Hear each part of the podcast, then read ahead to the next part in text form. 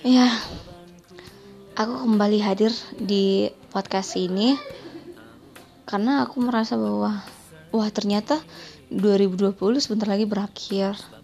Dan mungkin dalam jangka dua hari 2020 akan segera berganti dengan 2021 jika dipikir-pikir kembali bagiku sendiri 2020 itu adalah tahun yang ya berat. Berat uh, kejam 2020 itu menjadi tahun di mana aku pernah merasakan down sedown-downnya pada studi aku. Ya sebenarnya sih berat berat hampir beberapa tahun ini.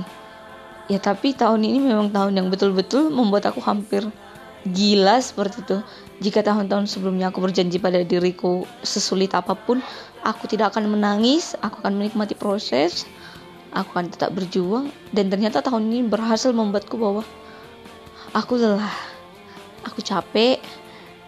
Aku putus asa aku kehilangan semangat aku kehilangan kendali. Aku memilih untuk redup dan menangis. Ya 2020 sangat berat bagiku. Tidak tahu ya uh, untuk teman-teman sekalian 2020 itu mungkin suatu yang membahagiakan atau ya sebenarnya sih memang ada positifnya ya karena dari segi positifnya aku tidak akan pernah berharap selama studiku 4 tahun ini aku akan menikmati waktu yang sangat panjang di keluarga di rumah. Tapi memang 2020 memberikan aku kesempatan untuk aku lebih banyak waktu di rumah berkumpul bersama orang tuaku orang-orang yang kukasihi. Bahkan terkadang ya begitulah cara Tuhan. Terkadang memang sesuai apa yang aku pikirkan aku mungkin tidak akan pernah di rumah berbulan-bulan. Karena jangankan berbulan-bulan aku hanya bisa pulang ketika akhir weekend itu pun sekali dua minggu.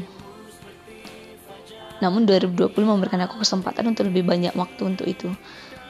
2020 jika mengingat kembali dari awal aku tidak pernah menyangka bahwa 2020 wah ada pandemi. Bahkan kita sampai dirumahkan sesuatu yang sangat luar biasa ketika kita nggak bisa salaman kita bertemu orang harus jaga jarak ibadah seg segala hal selalu mengutamakan social distancing begitu. Tapi itu memang untuk kenyamanan kita bersama. Tapi itu jujur sama sekali tidak pernah terpikirkan selagi aku uh, menjalankan 2019 bagiku 2020 setiap tahunnya menjadi tahun-tahun yang baru tahun yang penuh berkat baru sukacita baru pencapaian baru. Namun 2020 berhasil mengajarkan aku bahwa kita bisa berencana tapi yang berkehendak hanyalah Tuhan Yesus.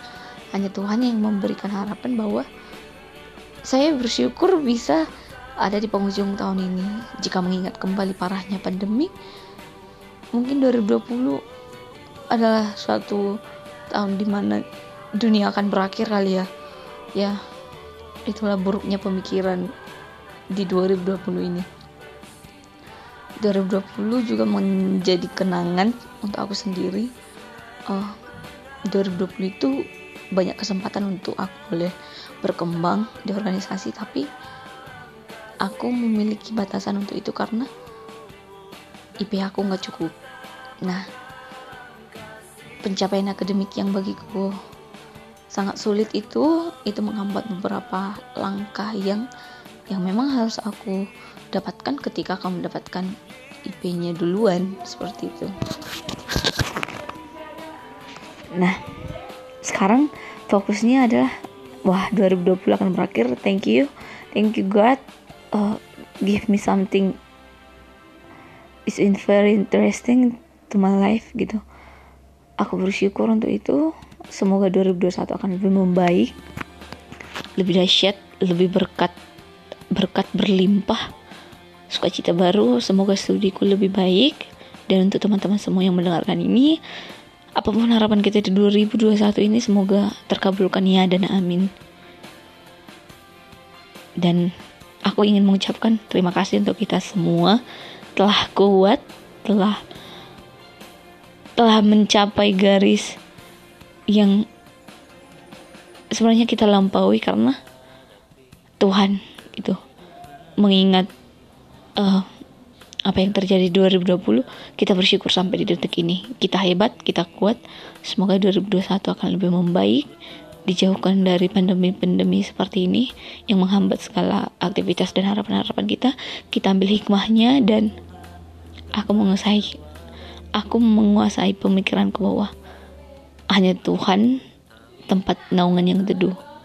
Hanya Tuhan hanya Tuhan satu-satunya.